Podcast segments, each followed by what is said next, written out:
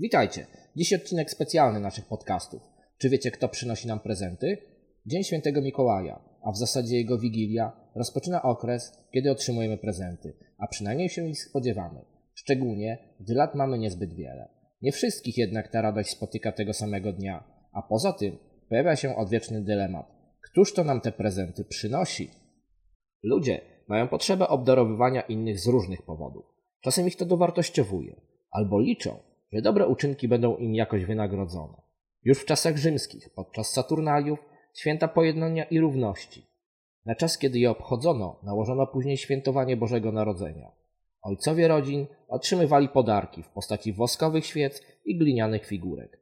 Nie tylko u Słowian wręczanie darów miało ukazywać własną zasobność i tym samym przyzywać niezmienną pomyślność w tym względzie. W kręgach chrześcijańskich chciano w ten sposób naśladować trzech mędrców składających dary dzieciątku. A znany dziś powszechnie Mikołaj, według tradycji, miał być na przełomie III i IV wieku biskupem Miry w Licji, dziś Turcja. Zmarł 6 grudnia, lecz nie mamy pojęcia którego roku, gdzieś między 342 a 352. Pochowano go w Mirze, lecz w 1087 roku krzyżowcy przewieźli jego relikwie do Bari we Włoszech. Za swe dobre uczynki, wspomaganie ubogich, potrzebujących, chorych, zagrożonych, uwięzionych oraz czynione cuda, wkrótce został wyniesiony na chrześcijańskie ołtarze na wschodzie i zachodzie. Jego kult szybko się rozprzestrzeniał, a jako święty zakres obowiązków miał przeogromny. Patronował bowiem różnym rzemieślnikom, żeglarzom, pannom, dzieciom, sędziom, podróżnym, więźniom, a także Rusi, Grecji i wielu miastom. W naszej świadomości przetrwał jednak głównie jako roznosiciel darów. Problem jednak polegał na tym, iż najpierw wytworzył się kult świętego Mikołaja, a dopiero później powstały hagiograficzne opowieści o jego życiu. Z tego powodu, gdy po II Soborze Watykańskim przeprowadzono wnikliwe badania historyczne, próbowano go usunąć z panteonu świętych, jako zbyt niepewnie udokumentowanego. Wywołało to jednak wielki sprzeciw wśród wiernych i części duchowieństwa, bo powszechnie wiadomo, że legendy są znacznie silniejsze niż prawdy historyczne. W tej sytuacji papież Paweł VI poszedł na kompromis. Usunął z 6 grudnia święto biskupa Mikołaja, lecz zezwolił na jego dowolne wspomnienie. I dlatego, chociaż nie jest to dzisiaj dzień wolny od pracy, jak w XIX wieku, to istnieje szansa, iż Mikołaj nadal będzie nas tego dnia odwiedzał z podarkami, przynajmniej tych grzecznych. A skąd się wziął ten obyczaj? Już w X wieku, 6 grudnia, wystawiano zyskujące popularność w całej Europie liturgiczne dramaty, opowiadające dzieciom historię świętego. Przy okazji obdarowywano małych widzów jakimiś drobiazgami.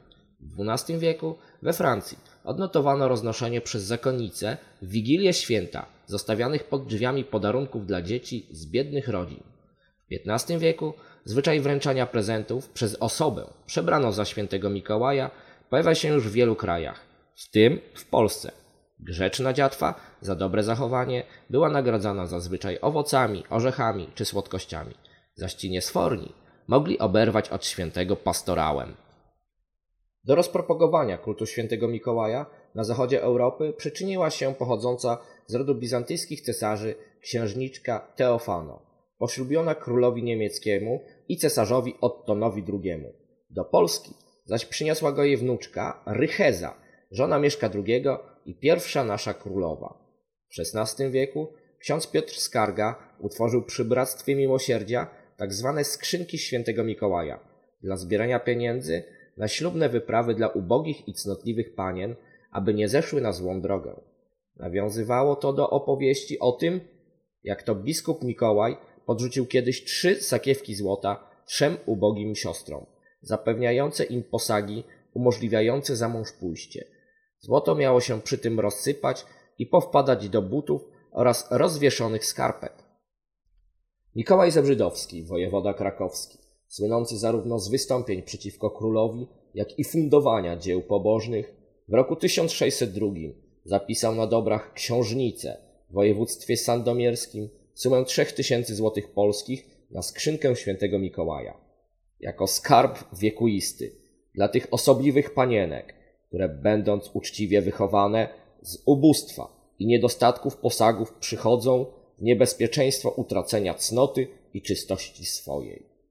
W XVIII wieku w niektórych polskich domach dzieci obdarowywane były chlebem, orzechami, pieniędzmi na słodycze i książkami, krzyżykami, świętymi obrazkami, tabliczkami, ptaszkami w klatce lub rózgą. Przed 6 grudnia u miejskich kramarzy pojawiały się bawidełka i pierniki świętego Mikołaja. Jeszcze do niedawna nabywane na straganach wypiekane z piernikowego ciasta figurki z naklejonym na nie obliczem świętego stanowiły u nas nieodzowny element mikołajkowej paczki. Na dobre, obyczaj obdarowywania w tym dniu dziatwy zadomowił się w Polsce, dotarwszy z Niemiec, dopiero około 1840 roku. Praktykowano go rzecz jasna głównie w dworach szlacheckich i domach mieszczan. W chłopskich chatach nie było to popularne. Tam w wigilię słodkie bułki wtykano wstawiany w kącie snop zboża, ciastka i cukierki umieszczano też w sianie pod obrusem, a dzieci ich poszukiwały. Owoce i słodycze wieszano również na choince i rzadko doczekiwały one momentu rozbierania drzewka. Drobnymi upominkami odwdzięczano się również składającym życzenia małoletnim kolędnikom.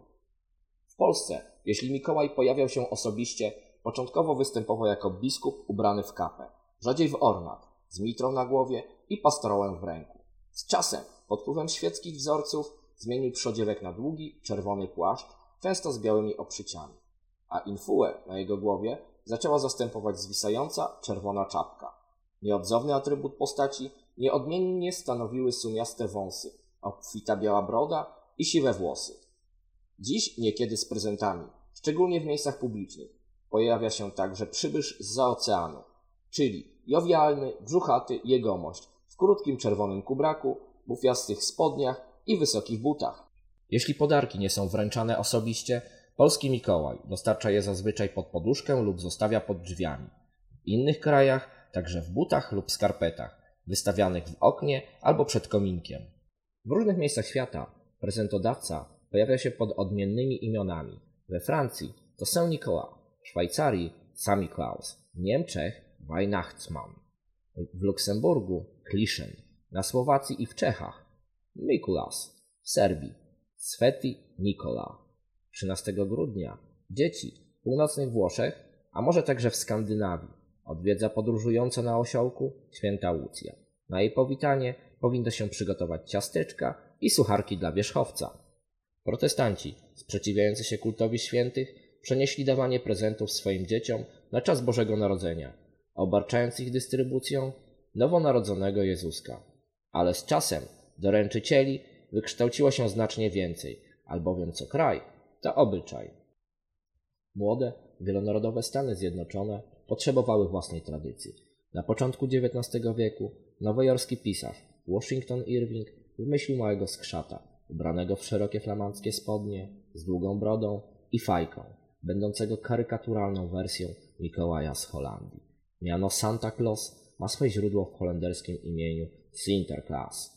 W roku 1821 poeta William Gilley w swym wierszu usadowił Santa Clausa w saniach zaprzęgniętych w renifery. Być może jest w tym nawiązanie do skandynawskiego boga Tora, podróżującego zimą w saniach ciągniętych przez kozy. Zaś Clemens Seymour opisał w poemacie niewysokiego, uśmiechniętego osobnika z brzuszkiem. Początkowo jednak Santa Claus nie zyskał wielkiej popularności. Potomkowie każdej nacji mieli swe własne tradycje. Diametralną zmianę tego stanu rzeczy spowodowała kampania reklamowa Coca-Coli z 1930 roku, utrwalająca w świadomości społeczeństwa radosnego, starszawego, białobrodego pana, ubranego w czerwony strój i długą, spiczastą, zakończoną pomponem czapkę. Natomiast Rudolf i jego czerwony nos został wymyślony na potrzeby marketingowe w 1939 roku przez sieć domów towarowych Montgomery Ward. Z biegiem czasu ubogacono charakterystykę Santa Clausa wchodzeniem przez komin, okrzykami ho ho ho, wspomagającą armią elfów, wytwórnią prezentów, sprawującą nad wszystkim pieczę małżonką, zwaną Mrs. Claus. W USA prezenty dostarczane są cichaczem w wieczór wigilijny, aby w Boże Narodzenie znaleźć się pod choinką. To zwyczaj zapożyczony z Anglii, gdzie załatwia to Father Christmas. W 1927 roku fiński dziennikarz Markus Rautio oznajmił dzieciom przez radio, że Jula Paki, czyli tamtejszy Mikołaj, mieszka w Laponii, na górze Korvatunturi. W 1940 roku, po wojnie zimowej z Rosją, kiedy granica uległa zmianie, trzeba było Mikołaja przelokować do Rowaniemi. Co ciekawe, Jula Paki był niegdyś straszliwym kozłem, który nikogo nie obdarowywał, a tylko umiał przerazić tych, co narozrabiali, lecz pod wpływem światowych trendów nabrał ludzkich kształtów. Dobrym sposobem na otrzymanie wymarzonych prezentów jest napisanie listu do świętego Mikołaja. Dziś, jeśli wyślemy go do Rowasniemi, to jest nawet szansa, iż otrzymamy odpowiedź. Święty ma tam bowiem swoje biuro, a daje ono tak dobry efekt marketingowy, że doczekało się już konkurencyjnych w Drobak i Savalen w Norwegii, w Fürstenbergu w Niemczech, a nawet w polskiej Srebrnej Górze koło Mikołajowa. Ogólnoświatowe, obyczajowe zamieszanie sprawiło, iż także w Polsce dzieci dostają dziś prezenty i 6 i 24 grudnia, lecz niekoniecznie z tego samego źródła. W Wielkopolsce przynosi je osobiście lub pod choinkę dostarcza gwiazdor. Na Dolnym Śląsku gwiazdka. W Krakowie aniołek. Na Śląsku dzieciątko. A gdzie niegdzie ponoć nawet krasnoludki. A w innych krajach w Czechach możemy liczyć, że prezent podrzuci Jezusek. W Niemczech Christkind albo Der Heilige Nikolaus. We Włoszech Jezus Bambino albo bożonarodzeniowy dziadek Babbo Natal. W Danii dzieci mogą się spodziewać, że z podarunkami pojawi się Julemon, świąteczny człowiek. W Szwecji kiedyś troll, a dziś krasnal Jul Tomte. W Norwegii figlarny skrzat Julenisen we Francji świecki Père Noël, a w Brazylii Pai Natal. Na Islandii zajmie się tym aż 13 skrzatów Julemen, ale za to dzieciaki przez 13 poprzedzających święto dni muszą być super grzeczne, bo niegrzeczne dostaną ziemniaka. Barwność świątecznych atrakcji i radość z obdarowywania się upominkami sprawia, że ich doręczyciele pojawiają się w krajach bardzo odległych od chrześcijańskich tradycji. I tak Chińczycy mogą liczyć, iż przybędzie staruszek Shengdan Lao. Japończycy oczekują na Santa Kuroshu, zaś na Hawajach zjawi się na pewno Kanakaloka. Bywa, iż doręczyciel składa świąteczną wizytę nie sam. W Polsce Mikołajowi towarzyszył czasem aniołek, a niekiedy dla przeciwwagi także diabełek. Mogący niesfornych pacnąć ogonem, dziabnąć widłami, ewentualnie wręczyć rózgę. W Austrii rolę złego policjanta spełnia straszny półkozioł, półdemon Krampus, zaś w Holandii niegrzeczne dzieci zabierał do worka zwarte pit, czyli czarny Piotruś, dziś noszący już tylko worek z prezentami i włażący z nim przez komin. Podobną rolę w Luksemburgu odgrywa też czarnoskóry Hauskepel. W Szwajcarii przerażających szmucli. Czerwonooki, kudłaty, czarnolicy potwór w kapturze potrafi wysmagać brzozową miotłą, ale i porwać niegrzeczne dziecko do wora.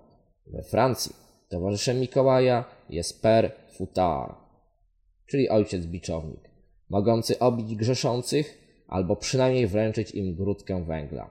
W Danii Julemandowi towarzyszą elfy, dla których trzeba przygotować pudding i mleko. Postrachem niemieckich psotliwych dzieci jest odrażająca, włażąca kominem Frau Berta, a także Knech Ruprecht, potrafiący nieznającym pacierza przyłożyć workiem z popiołem. Współtowarzysze lub zastępcy świętego dostarczyciela wywodzą się w większości ze starodawnych wierzeń i pogańskich rytuałów odstraszania zła i demonów. Po świętach polskie dzieci na zbyt wiele liczyć już nie mogą ale rozdawnictwo na świecie wcale się nie kończy. Do małoletnich we Francji jeszcze w sylwestrową noc wpada dobra wróżka Dame Abond. W Grecji dzieciaki muszą czekać na prezenty do 1 stycznia i wcale nie wręcza ich patronujący krajowi święty Mikołaj, lecz święty Bazylii Wielki. W Rosji w nowy rok aktywnym się staje Diet Maros, czyli Dziadek Mróz, pojawiający się w towarzystwie uroczej Śnieżynki. Oboje odziani w przepyszne, nawiązujące do historycznych tradycji, podbite futrem szaty, ale co ciekawe, zazwyczaj w kolorze błękitu i bieli. Do dzieci we Włoszech w święto Trzech Króli przybywa czarownica Befana. Kiedyś nie zdążyła za mędrcami do betlejemskiej szopy i teraz szuka dzieciątka, uparcie wędrując po świecie. Na wszelki wypadek obdarowując po drodze każde napotkane dziecko, ale te niegrzeczne mogą od niej otrzymać jedynie czosnek, cebulę lub bryłkę węgla. Tego samego dnia w Hiszpanii pojawiają się paradnie Los Reyes Magom, czyli trzej mędrcy. W Wigilię zostawiający dary w domowej szopce lub na balkonie. Warto dla przybyszów zostawić jakiś poczęstunek, w tym kieliszek słodkiego winka oraz herbatniki dla wielbłądów. Źle się sprawujący tu też dostaną kawałek węgla, a raczej coś słodkiego, ukształtowanego na podobieństwo węglowej bryłki. Zwróćmy uwagę na fakt, iż prezenty dostarczają zawsze jakieś istoty z innego wymiaru, nawet gdy mamy prawie pewność, że robią to w ich imieniu rodzice. Nie ma zresztą żadnego znaczenia, kto te podarki dostarcza. Ważne, by co roku przychodziły.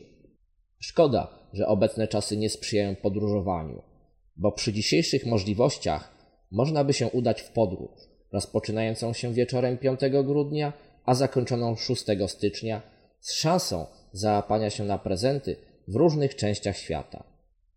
Nader miło jest dostawać prezenty, lecz o wiele większą przyjemność sprawia obdarowywanie nimi. Nie zapominajmy więc w ten świąteczny czas o tych, którzy naszego zainteresowania i wsparcia bardzo potrzebują. Serdecznie dziękuję za wysłuchanie odcinka specjalnego naszych podcastów. Jeżeli Wam się podobało, napiszcie do nas. Do usłyszenia.